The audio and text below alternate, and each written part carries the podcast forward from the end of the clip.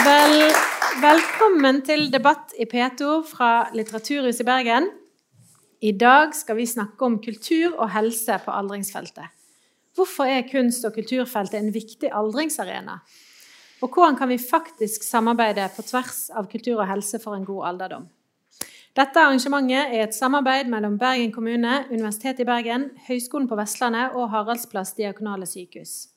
I panelet i dag har vi musikkterapeut Jorunn Bakke Nydal, kunsthistoriker Margit Drivenes Kløfjell, sosialentreprenør Eli Lea og direktør for Etat eh, for kultur, Vincent Marimba. Og med oss på film har vi skuespiller eh, Yngve Sæterås. Yes. Jorunn Bakke Nydal, velkommen. Takk. Du er altså musikkterapeut i Kinn kommune. Ja, det er jeg. Skal du kort si hva en musikkterapeut er først, for de som ikke vet det? Ja, en musikkterapeut. Vi kan noe om eh, musikk, og vi kan noe om helse, og ser sammenhengen mellom det. Så jeg jobber i helse i Kinn kommune. Ja. Eh, og i 2020 så vant Kinn kommune Leve hele livet-prisen.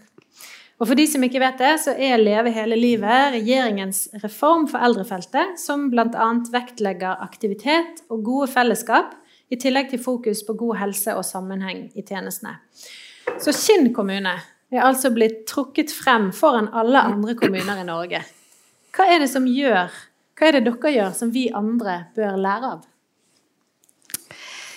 Ja, nå er jo ikke vi ferdig utlært, men eh, kanskje det vi starta med eh, tidlig på 2010-tallet, det var eh, et tverrfaglig arbeid mellom kultur- og helsefeltet. Eh, så vi begynte å sette oss sammen for å se om vi kunne jobbe bedre og forstå hverandres fag. Så den forankringen starta tidlig. Og det ble også tilsatt en musikkterapeut. Og så eh, begynte ballen å rulle når helse satt sammen og sa noe om deres utfordringer. Eh, og så så vi hvilken ressurs som kulturfeltet hadde. Så vi begynte tidlig å ha en mer helhetstenking i helse. Så når både pandemien kom, så hadde vi på en måte, og reforma kom, så hadde vi rigga oss til et samarbeid. Så vi hadde da et god kontakt med kultursjef, vi hadde god kontakt inn mot akademi og høgskoler. Så vi hadde på en måte rigga oss for å kunne tenke helhetlig inn i helse. Ja. Mm. Og i praksis, hvordan ser et sånt samarbeid ut? F.eks. har vi biblioteket er jo tett inne på alle institusjonene våre. Vi har starta åpen dag en dag i uka med, med biblioteket, museet. Eh, vi har konserter med, sammen med kirka. Eh, det er det ene samarbeidet vi har. Og det andre er at vi har forankra altså Den sivile sektoren, frivillige lag og organisasjoner, er svært viktig for oss. Eh, sånn at vi jobber tett, og tett inn til f.eks. Saniteten, Røde Kors, og får dem inn på institusjoner. Og, og får forankra det inn i den drifta som er der. Ja. Og så er vår oppgave Vi har eh, ansatt samfunnskoordinatorer i helse. Så helse vi jobber for å få tak i de som virkelig har behov for å bli mer aktive. Så det er vår oppgave. Og så er det frivillig, og, frivillig sentral og kultursida som jobber med, den, med, å finne den frivillige, og finne aktivitetene. Mens vi i helse jobber systematisk for å ja, jobbe mot ensomhet og mer aktivitet. hos dem. Er dere et slags sånn matchmaking-byrå, da, vil du si? Ja, ja vi har, vi har, har oppretta et, et, et team i helse der det er musikkterapeut, og der det er samfunnskoordinator og en kokk. Ja. ja.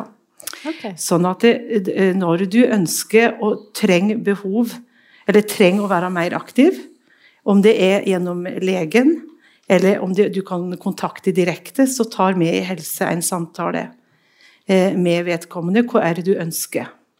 Ja, og lege kontakter vårt team direkte hvis jeg ser at det er en alvorlig ensomhet så, så, har vi en samtale med innbyggeren for så å hjelpe dem inn i en eller annen form for aktivitet. Yes. Mm. Sånn går det faktisk an å gjøre det. Mm. Ja. Mm. Og Musikkterapi, og kanskje samfunnsmusikkterapi spesielt, handler jo om å skape muligheter for deltakelse, også for de som vanligvis faller utenfor fellesskapet. Stemmer det? Ja. Og vi har gjennom hele denne, disse årene her som jobber vi veldig, prøver å jobbe på tre nivå. Er på individ, vi er i gruppe og på samfunnsnivå. Ja, så ut ifra de tre så ser vi på en måte de ulike utfordringene ut fra det. Ja. ja. Spennende. Eh, jeg har også lyst til at du skal si noe kort om dette seniorkoret ditt, som er ja. blitt berømt. Hvorfor skal man synge i kor når man blir eldre? Det er, det er viktig ikke minst for kulturen. altså Bare det å ha den musikalske opplevelsen. Det er fellesskapet. Det er mening å kle seg opp kvelden før eh, og gå på kor dagen etterpå. Det er mestring og kanskje det vi aller viktigste som vi òg har sett på de undersøkelsene som er gjort, det er å oppleve en nytteverdi. Ja. Altså jeg Det er nytte at jeg er her. Jeg er en viktig kulturbærer. Jeg, får, jeg, jeg gjør noe for andre. Vi har konserter, vi er på institusjoner. Ja, og vi er til nytte for noen i den gruppa vi er. Ja. Eh, og så er det veldig bra for pusten. Eh, ja, og, det, og, ikke minst å le sammen. Ja. Yes, Vi hopper videre til deg, Margit Drivenes Kløfjell. For du er kunsthistoriker. Og det er ikke så ofte at kunsthistorikere jobber i kommunen har jeg skjønt. Nei, altså jeg har ikke møtt veldig mange kunsthistorikere. Det er selvfølgelig noen. Eh, men eh, ja, det gjør jeg. Nå jobber jeg som rådgiver under kommunalsjefen for samfunn, kultur og miljø. Og har jobba med kulturfeltet i tolv år nå etter hvert. Ja. ja. Og da sitter du i dette tverrfaglige utvalget sammen med Jorunn? Ja, eh, vi har jo fra starten av eh, ja, 2010 og utover så har vi jobba i et Vi har kalt det for Level-prosjekt. Mm. Det var lenge før Leve hele livet kom som reform. Eh, og der satt vi som Da var jeg kulturkonsulent og litt kultursjef, og der satt vi flere fra kultursida og hadde, hadde, vår agenda inn i det, de møtene der. Ja. Mm. Og billedkunst og installasjoner det ses jo sjelden som et uh, helsetiltak. Mm. Men i Kinn så jobber dere også med kunst og utsmykning, kanskje som et helsefremmende tiltak. Mm. Så Eh, hva, hva, kan du si om måten du jobber med kunst og kultur? Ja, jeg tenkte jeg skulle si litt om hvordan det kom til at vi begynte å jobbe med det. Og selvfølgelig som kunsthistoriker så har jeg jo lyst til at alle skal få oppleve god kunst eh, overalt. Og det er ikke alltid så lett eh, i eh, utkantstrøka. Um, når vi satt i, i Level-gruppa vi har møtt nå, er det vel sånn fire ganger i året ca., det har vært sånn relativt fast. Så kom diskusjonen om Altså der blir, blir det drøfta hva som er behovet i helse, og hva som er behovet for kultursida. Og et av behovene i helse er jo å åpne institusjonene for frivillige og for pårørende. Eh, og en av barrierene som vi etter hvert identifiserte der, var jo eh, hvordan rommene på institusjonen er. De er ikke nødvendigvis så åpne. De er ganske overfylt av eh, både kunst og ikke-kunst, tenker jeg. Eh, de er ofte måte fylt opp over eh, kanskje 30 år. sant? Det er sjelden ting blir rydda vekk. Så et av de første prosjektene vi starta med, var å, å, rydde, rett og slett. Eh, og så eh, finner en jo selvfølgelig òg noen kunstskatter på dem. Og jeg tenker som eh, representant fra kultursida da, så sitter jo institusjonene på kanskje de største kunstsamlingene vi har. Eh, som er kjempeviktig for kommunen å ta vare på. Store verdier. Og I tillegg så har jo, har jo vi et eh, mandat gjennom har, Det fins faktisk en kulturlov, og den sier at alle skal eh, ha muligheten til å delta og oppleve Eh, et mangfold av kulturvirksomhet. Du skal rett og slett ha, ha, muligheten til å delta og oppleve en stor bredde av kultur. Og det gjelder òg de som er på institusjon. Ja. Så det er liksom flere ting som var viktig der. Eh, Så, så det vi starta med, var rett og slett å, å rydde særlig store dagligstuer og få gjort om på den og få fram eh, det som var flott kunst. Få malt en vegg, eh, få hengt opp noen bilder og synliggjort dem. Eh, og bare der så får den gode opplevelser med de som bor der. Så er det ei dame som satt eh, mye holdt på i flere uker og rydda og ordna og sånn. Sa ingenting. Og plutselig en dag så kom hun opp med et, et Bjørlo-bilde og hang det opp på veggen. Hun bare Nei, så flott. Og, og, det var bare med en gang. Det var så flott det var. Ja. Eh, og da har hun sittet og ikke sagt noe, men akkurat der og da Så det var på en måte verdt hele, hele mm. jobben, da. Ja. Mm. Og det handler både om å skape eh, Altså åpne institusjoner for folk inn.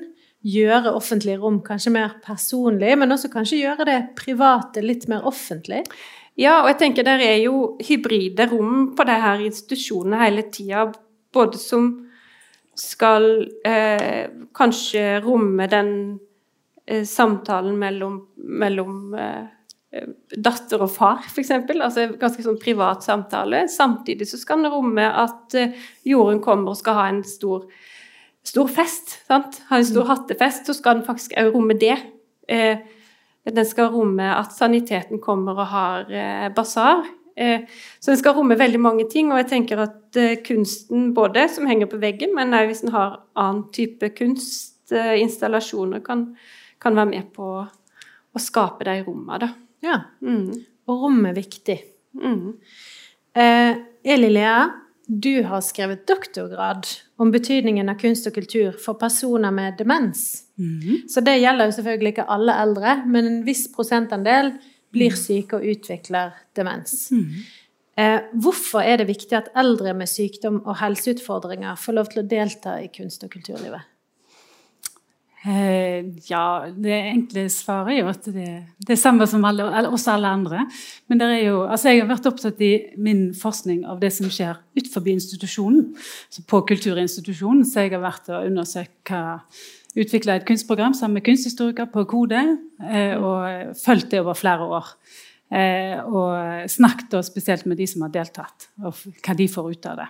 Eh, og jeg har jo forholdt meg selvfølgelig til annen type forskning som gjør det samme, som da undersøker spesielt liksom, helseeffekt, eller det positive med å delta på kunstomvisninger. Eh, og det er, det er, jo på en måte at det gir, det gir, glede, det kan gi mestring å få lov å delta i noe som er tilrettelagt for deg. Eh, det er sosialt, det er sosialt samvær. Eh, man, altså, det er funnet at det er bedre litt hukommelse, sånn, det er intellektuelt stimulerende. Eh, og at jeg, jeg husker Det som jeg liksom overraska meg når jeg, når jeg, begynte å lese forskning, var at eh, den, den første, en av de første studiene i dette lille feltet mitt var liksom at eh, de, forskerne lurte på om dette var liksom, om personer med demens ville klare dette her. Mm. Om det var for vanskelig. Eh, men da fant jeg ut at det, alle, alle, det, var liksom, det spørsmålet har forsvunnet fra forskning, det er jeg litt glad for. Mm. Men eh, fordi at liksom, de lagde et program som var altfor avansert. Men, men, men, det er jo òg eh, det at, eh, at, det at kulturinstitusjonene sant, kan være et sted for personer med demens som bor hjemme spesielt, sant, som kan komme og delta, er veldig viktig. Ja. for deres. Er det viktig hva type kvalitet vi har på den kunsten og de kulturopplevelsene vi tilbyr f.eks. personer med demens? Eh, ja. Eh, det enkle spørsmålet. Ja. Eh, nei, men det har jo òg vært eh, sånn at, eh, at, det betyr noe hvor man er. Sånn, hva man får se på, eh, og hva man blir invitert til å snakke om eh, og få være delta i. Sånn, for det er jo det er en forskjell, og det har jeg vært litt opptatt av å prøve å forstå liksom, hva det betyr i forhold til hvordan, for den enkelte. Sånn, og, og det er jo sånn Kunst og kultur er jo ikke for alle heller. Dette, det tilbudet som var på Kode, eller det tilbudet som vi jobber med nå i Bergens Sanitetsforening, som er, og lager et kulturtilbud til personer med demens, er jo eh, et forsøk på å bare bidra til et større mangfold. Så, men for de, de, som trives i det, eh, de, har, de, trives jo godt i det og bør få det tilbudet.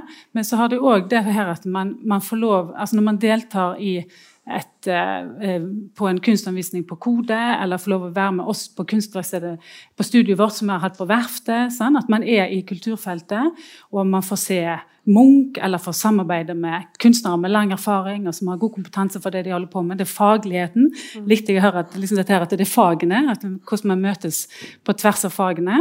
Eh, så, så, er det jo liksom å få lov å delta i, en, i, i noe som en, en, samtale om Munch, eller sammen med kunstnere som utvikler kunst, som er viktig i samfunnet, uavhengig om du har sykdom eller ikke. Ja. det betyr noe at det liksom, du får lov å være med i en fortolkning av Munch. liksom.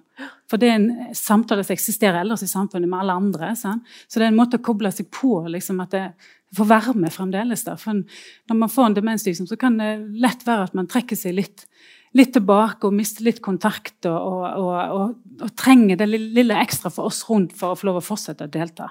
Ja. Og det er det jo mange som sier, at liksom, de har lyst til å fortsette å delta, og at den pasientrollen eller liksom at den blir så stor når du får en demenssykdom. Sånn? Det, som vi, vi, jobber for i Bergens Sanitetsforening med våre tilbud, eh, om at, liksom, at de får lov å at den medborgerrollen får lov å være litt mer fremtredende enn pasientrollen. At den får liksom parkere seg litt, for den, den er fremtredende nok. Sant? Så det er et eller annet med å få lov å eh, ja, være, være, noe mer enn bare, bare en som har en demenssykdom. Mm. I dag har vi snakket om hvorfor det er så viktig å få gode rom inne på institusjoner, hvordan kunst og kultur kan spille en rolle når folk eh, bor på institusjon.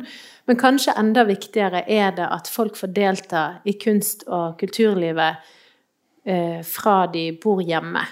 Kan du si noe om det, Jorunn? Helse trenger kultur i framtida. Og vi er helt avhengig av øyeblikk, og gode øyeblikk, for å ha gode liv. Og det må vi starte tidlig. Eh, Kinn kommune er en heimetjenestekommune. Så det vil si at vi skal kunne få bo hjemme eh, så lenge som mulig. Så det at vi har en tett eh, samarbeid med kultur, og at vi skaper åpne arenaer, lavterskel, og det mangfoldet som vi har vært inne på, den bredda er kjempeviktig at vi når innbyggeren, om det er litteraturen, om det er kunsten, om det er allsangen, eh, om det er naturen. Den vifta av det mangfoldet, eh, og ut ifra ulik eh, livssituasjon vi er i. Mm. Det er og det har vi, eller vi er veldig opptatt av den der rolleavklaringen. Ja, at vi trenger den profesjonelle ut, kunstutøveren. Og så trenger vi musikkterapeuten, kanskje for inn og veilede og se sammenhengene. Og så trenger vi musikkterapeuten til de aller svakeste. Der språket ikke strekker til lenger, men at vi har et ansvar for å se enkeltmennesket og se at de har lik verdi uansett livsfase. Og der, der, kan musikkterapeuten være. Der kan kunsten være i seg sjøl. Ja, og det må vi lage rom for ifra helsesida. Ja.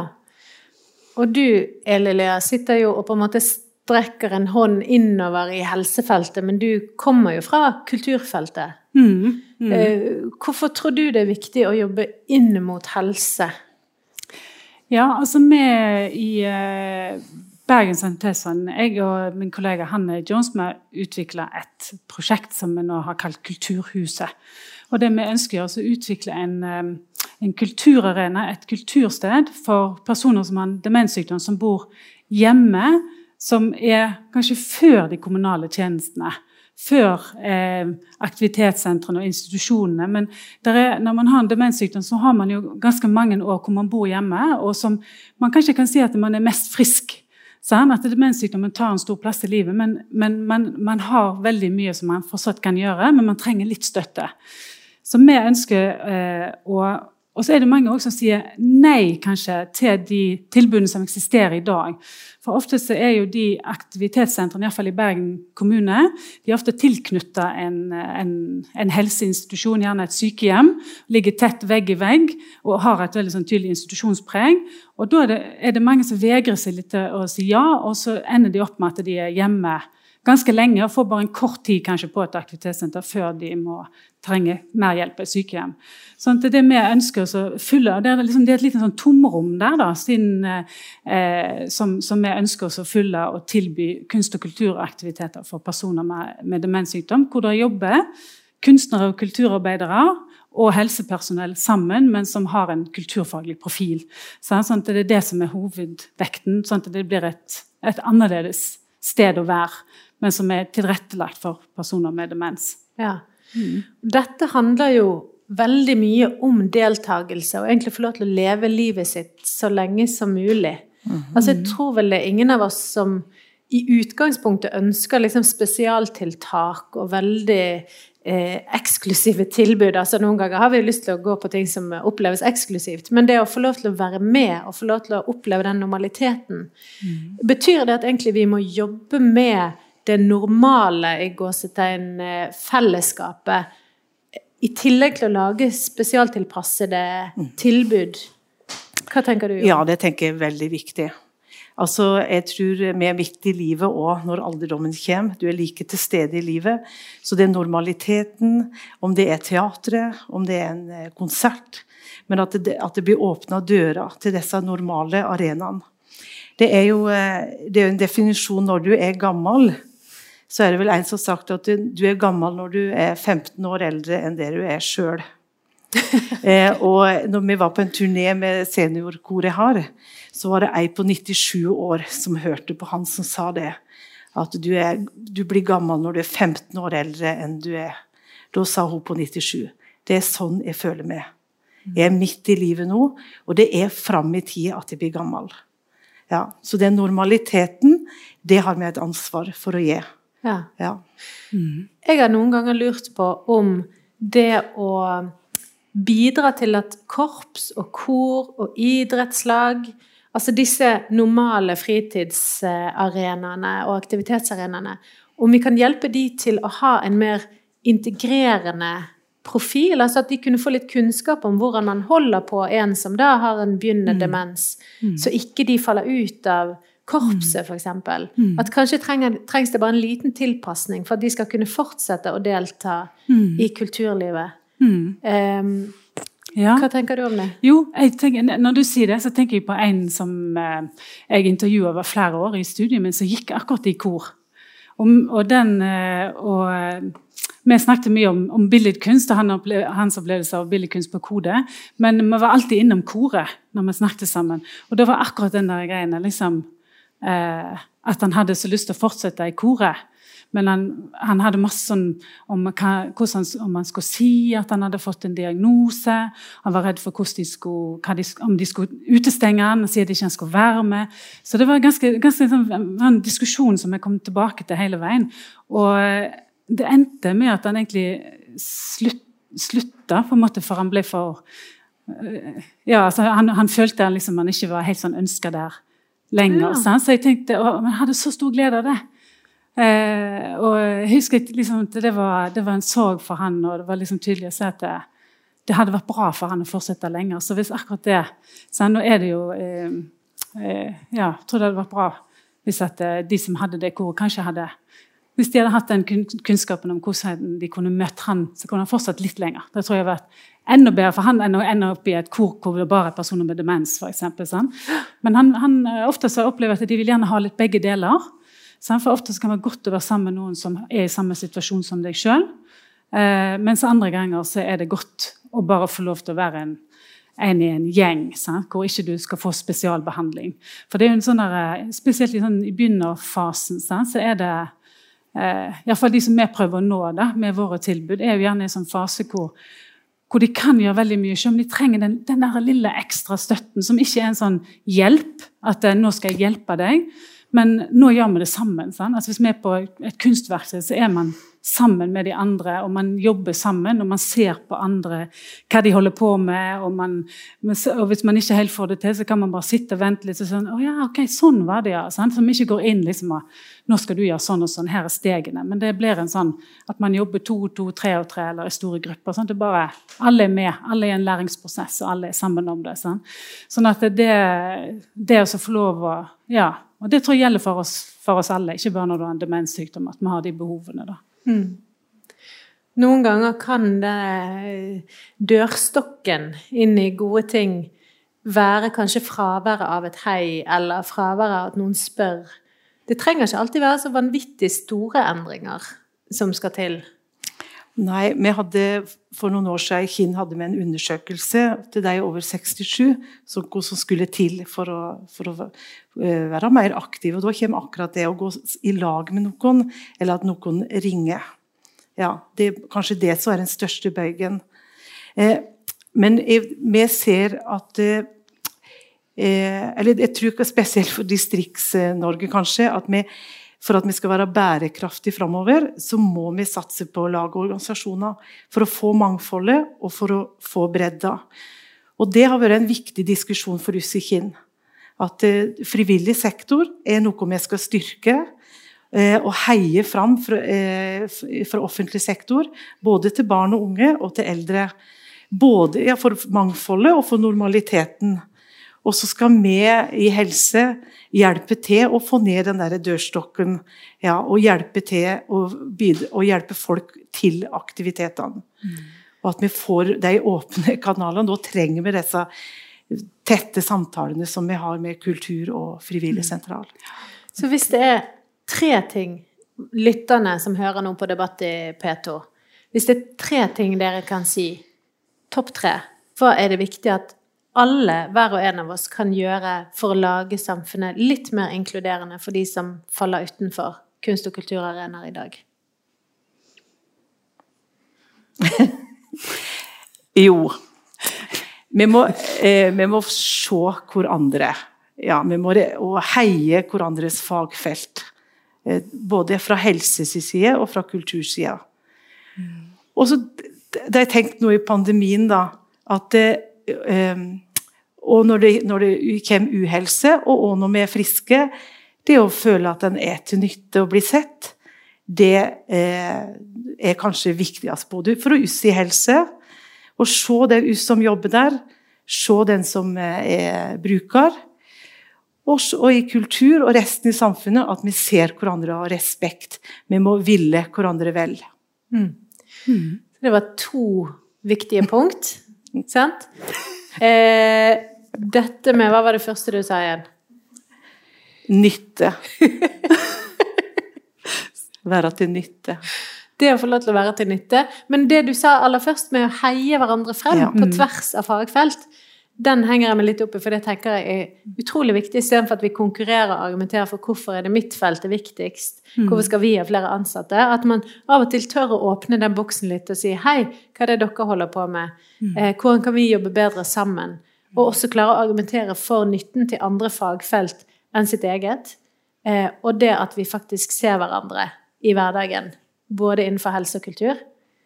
Har du et tredje punkt, Eli, som du tenker sånn ja, jeg tenker at vi må være litt flinkere å gjøre ting. altså som Jeg, jeg henger litt i det vi sier, å, liksom å, å, å gjøre ting eh, sammen. altså sånn, sånn, og tenk, liksom Det med å gjøre ting på et sånn, mer sånn et likeverdig eh, nivå. Både fra, helt fra det vi prøver å få til sammen med andre mennesker, og det vi prøver når vi organiserer.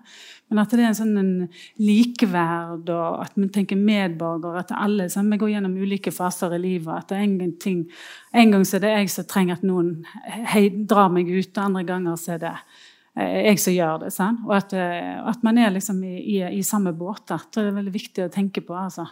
Litt sånn selverkjennelse på tampen der på at uh, ja, at vi er mennesker alle sammen, og alle ja. går gjennom livet og er i ulike faser. Ja, jeg tenker det er noe sånn helt sånn mm. grunnleggende som må til. At vi alle eh, Og alle har lyst til å eh, lære og utvikle seg og, og være med på ting. Og, eh, og det syns jeg er noe av det fineste som eh, når vi har hatt sånne verksteder som har i vårt prosjekt, hvor det er kunstnere og folk som jobber i demensomsorgen i 20 år, og en med demens og en frivillig, og, så, og vi som organiserer det. Så på slutten så bare føler vi at alle har lært noe.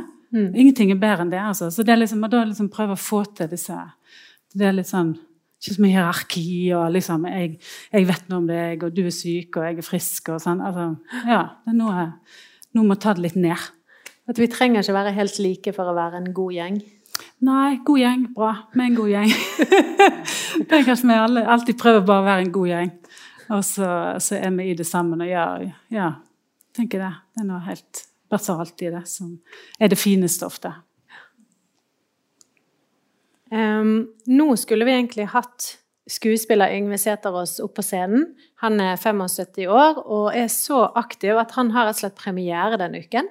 Så han kunne ikke komme til paneldebatt her og nå, men vi fikk et lite intervju med han før i dag. Så det skal dere få se nå.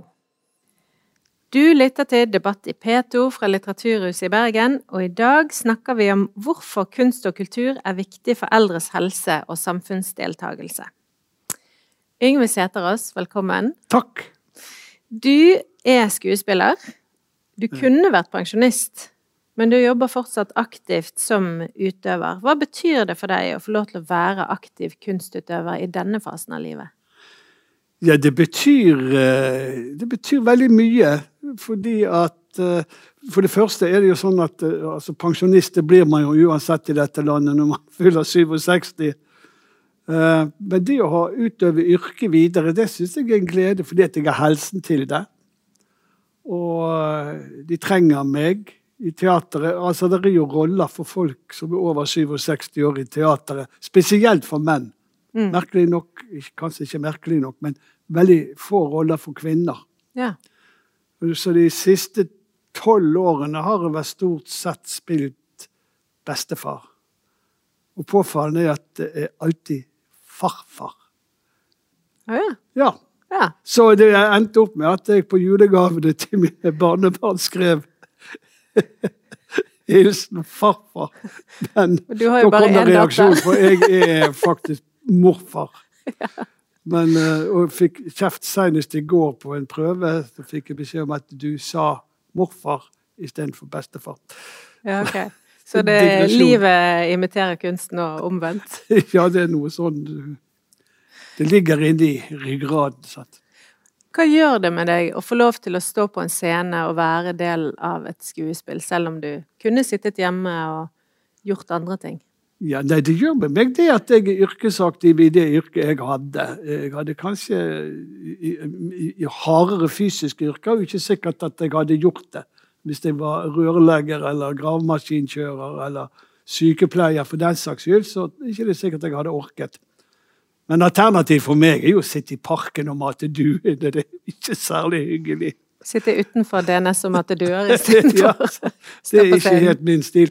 Og så um, ja, holder meg vital, og så har jeg en oppgave hjemme fordi at jeg har en eh, funksjonshemmet kone. Ja. ja. Og det skal jeg spørre deg litt mer om, for dette er jo også en del av det vi snakker om i dag. Du er jo førlig, og du står på scenen, og du mm. jobber. Og så har du en kone som har vært i, i, samme situasjon som deg veldig lenge i livet. Ågot Valle, hun var stortingsrepresentant og jobbet både med helse og kultur på ulike nivåer og satt i utenrikskomiteen og Ja da, hun var leder av kontroll- og konstitusjonskomiteen. Hun var til og med odelstingspresident. Ja, nettopp. Uten at noen reiste seg på T-banen av den grunn. Og så ja. skjedde det noe i livet deres der hun fikk et kjempeslag for omtrent elleve år siden. Ja, for elleve år siden så fikk hun 36 eh, blodpropper på venstre hjernehalvdel over tre døgn. Og da snudde livet vårt opp ned. Ja. Totalt. Ja. Og det var for det første ekstremt sjokkartet. Men når det fikk legge seg litt så begynte det å, å bli interessant. Eller ja, jeg tror vi skal kalle det det. Ja. Fordi at hvis du tar inn over deg disse brå om, omveltningene som tragedier, så tror jeg det går rett til pieces, altså. Så det at eh, dommen griper fatt i det og Jeg holder nå en del foredrag for uh, pårørende som nettopp kom til den situasjonen. Og da prøver jeg å fremholde det at du har det kanskje ikke som før. Du har det annerledes. Men du trenger ikke ha det verre. Nei.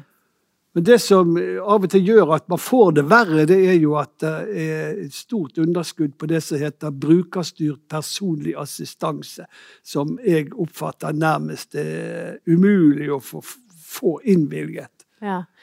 Og for i dag så snakker vi jo om hvordan kan vi muliggjøre deltakelse mm. i kunst og mm. kultur helt til det siste. Mm. Eh, og én ting er å være aktiv utøver, utøver sjøl, men det å kunne gå i harmonien med sin kone, eller kunne gå på ja. teater, eller kunne gå på Vi har jo kjøpt sånn såkalt gullkort for å få med alle symfonikonsertene. Det er noe sånn paradoks at den dagen vi har, så spiller jeg sjøl.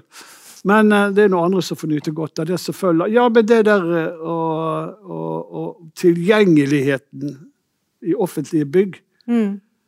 altså der, der kan vi skrive lange avhandlinger om store mangler. Og det er jo klart at en del funksjonshemmede også blir litt redd for å kritisere, for besett på som litt sånn sytete. Ja. Mens det er legitime krav. Ikke sant? Vi kan f.eks. ikke ta en, en, en lokal buss her i denne byen, altså Bergen. Fordi at rullestolen til min kone ikke kan sikres inne på bussen.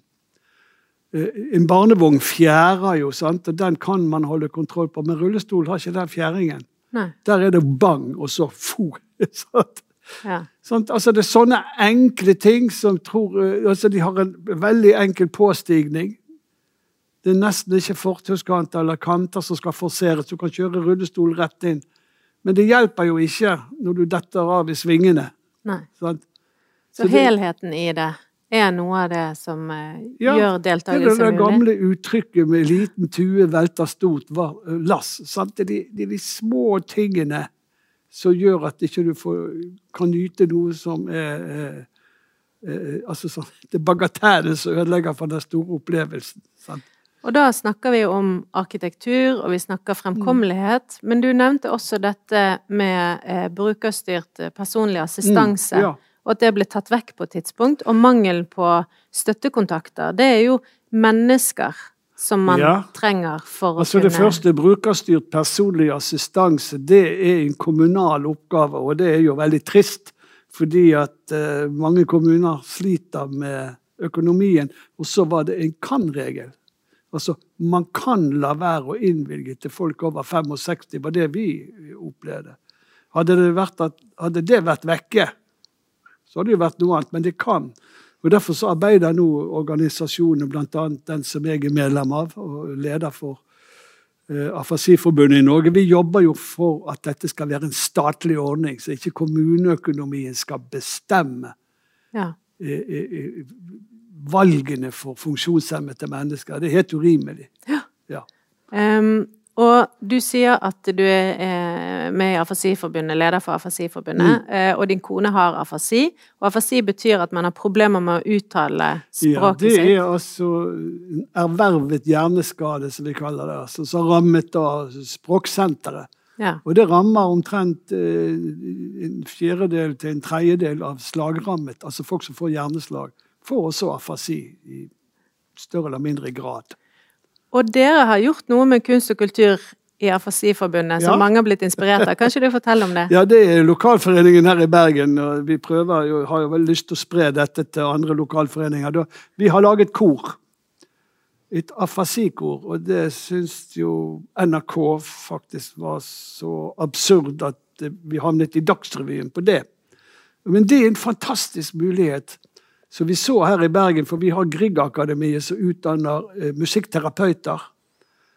Og vi har kontakt med en del av disse folkene i Griegakademiet, som er en del av Universitetet i Bergen, akkurat som Haukeland sykehus er det. Og Der også forskes det en del på afasi og logopedi og sånn. Så det er en sånn flott symbiose. Så eh, søkte vi DAM-midler, og så fikk vi en dirigent som er musikkterapeut. Og så har vi et kor der det består av, av folk som har afasi, og pårørende og logopeder. Det er ikke noen strenge regler for hvem som kan bli medlem og ikke. Men det er et kjempetiltak. så Vi, vi, har, vi kommer sammen hver 14. dag, og det er kjempepopulært. Og vi har det kjempegøy. Sånn at, uh, og vi får synge. Og det, folk med afasi tror jeg er litt sånn trege til å begynne å synge på egen hånd. Ja, det Så, kan men jeg i kor Ja. så går det. Sant? Og det håper vi mange blir inspirert av. Tusen takk for at du kom, Yngve. Bare hyggelig.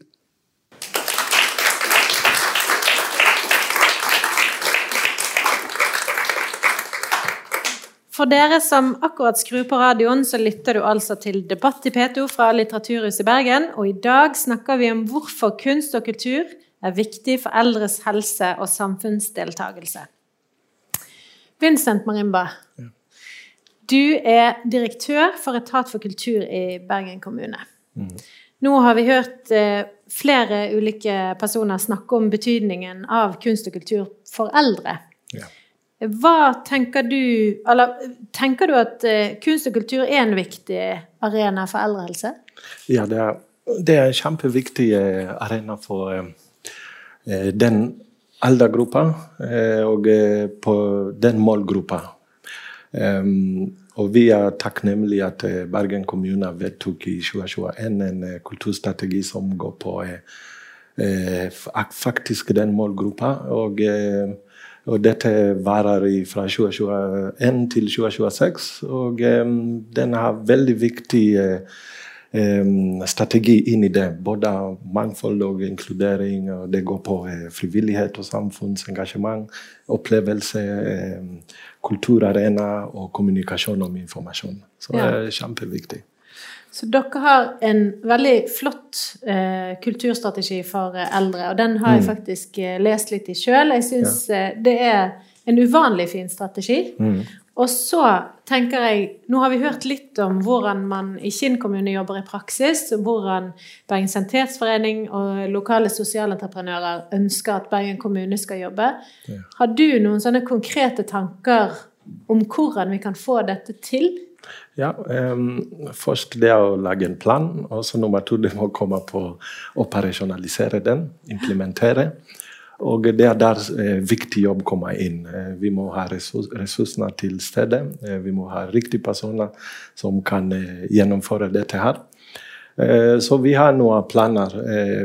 I Kulturetaten vi har lagt en liten avdeling som skal hete seniorkultur, eller kultur for eldre. Okay. Dette har vi tenkt at vi må jobbe veldig eh, målrettet med eh, fra neste år. Og vi kommer til å satse veldig mye på den fronten. Eh, altså, kultur er jo noe som forener oss på tvers av alder, og på tvers av funksjonsnivåer, på tvers av kulturer. Sant? Hvis eh, man liker Bob Dylan og, og kommer fra Kenya eller kommer fra Norge, så kan man finne på en måte en eller annen felles identitet i det. Ja. Men så er det jo også noe som skaper avstand. Sant? Kultur er også noe som skiller oss fra hverandre. Ja. Om det handler om musikksmak eller hva man er vokst opp med av kulturuttrykk. Mm. Hvordan tenker du at Bergen kommune skal klare å, å romme et mangfold? Ja. Eh, Vi har, hatt, vi har hatt en diskusjon med den med kristkulturell forståelse. Eh, Hvordan kan vi koble eh, de ulike folk sammen? Bergen er, som du sa, begynte med, det er en mangfoldig by. Og hvordan kan vi lage felles måtearena? Hvordan eh, de forskjellige grupper kan motta hverandre.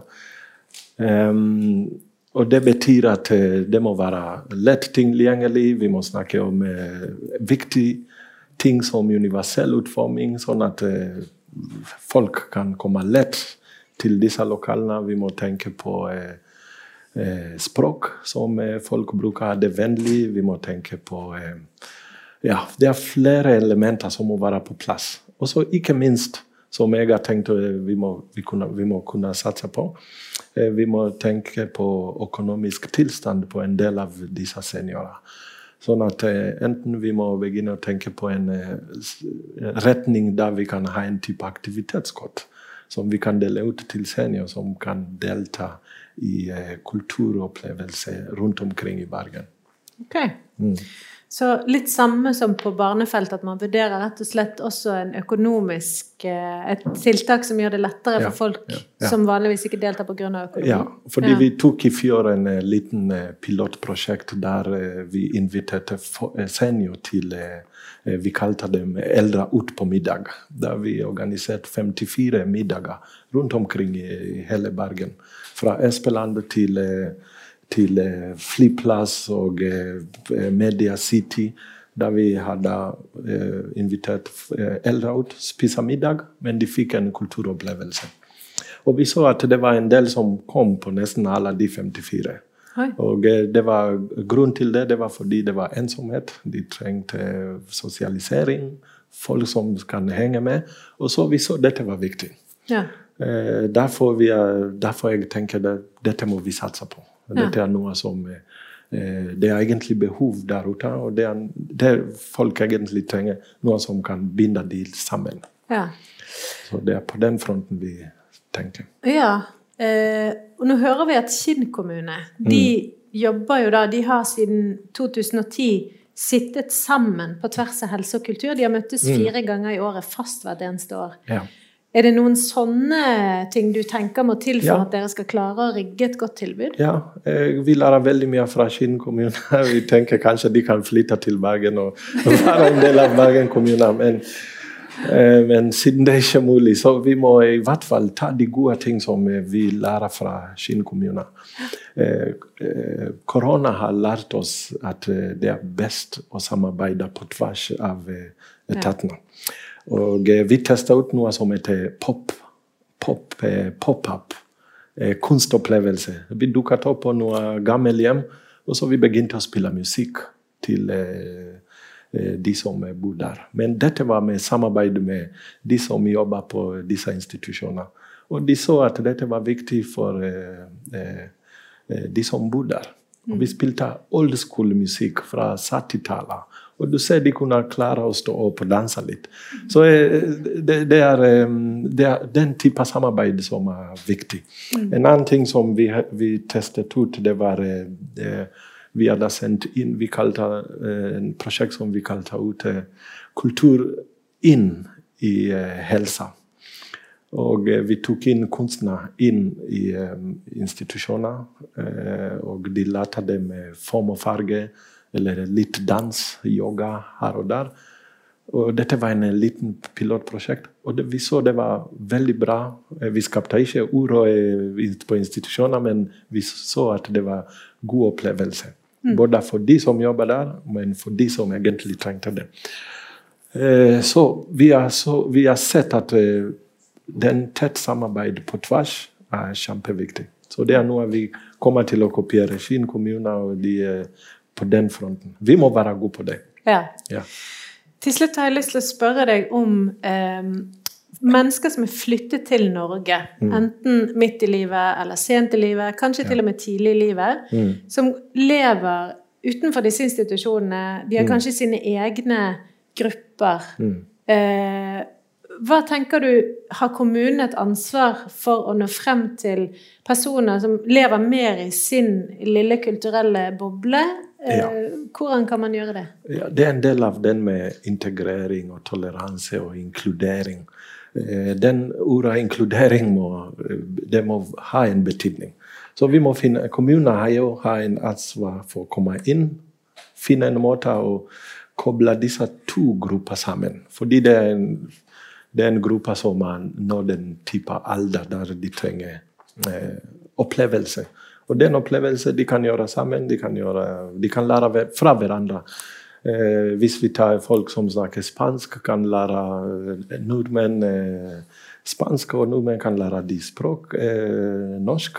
Eller de kan lære hverandre mat, de kan lære hverandre en type dans. Eh, Vi har testet dette med små barn, der vi kommer med lek for eh, ungdom, eller barn, fra forskjellige nasjonaliteter. Og så vi fant ut det er nesten det samme. Måten de leker her i Bergen, det er samme som de leker i Kenya, der jeg kommer fra, eller i Kina. Det er nesten samme lek. Det er samme opplevelse som eh, også eldre kan eh, oppleve. Ja. Ja. Så kanskje neste gang de skal dele ut en eh, Leve hele livet-pris, Ja. tror du at Bergen ligger godt an Yes, der? jeg tror Bergen må få den. ja. ja. Vi satser på det. Vi satser på det. Tusen takk, Vincent. Ja. Da skal vi avslutte med å si at du har hørt debatt i P2 fra Litteraturhuset i Bergen. Og i dag har vi snakket om hvorfor kunst og kultur er viktig for eldres helse og deltakelse. Dette arrangementet har vært et samarbeid mellom Bergen kommune, Universitetet i Bergen, Høgskolen på Vestlandet og Haraldsplass Diakonale sykehus. I panelet i dag har vi møtt musikkterapeut Jorunn Bakke Nydal, kunsthistoriker Margit Rivnes Kløvfjell, sosialentreprenør Eli Lea, skuespiller Yngve Sæterås og direktør for Etat for kultur i Bergen kommune, Vincent Marimba. Takk for oss. Takk, Takk.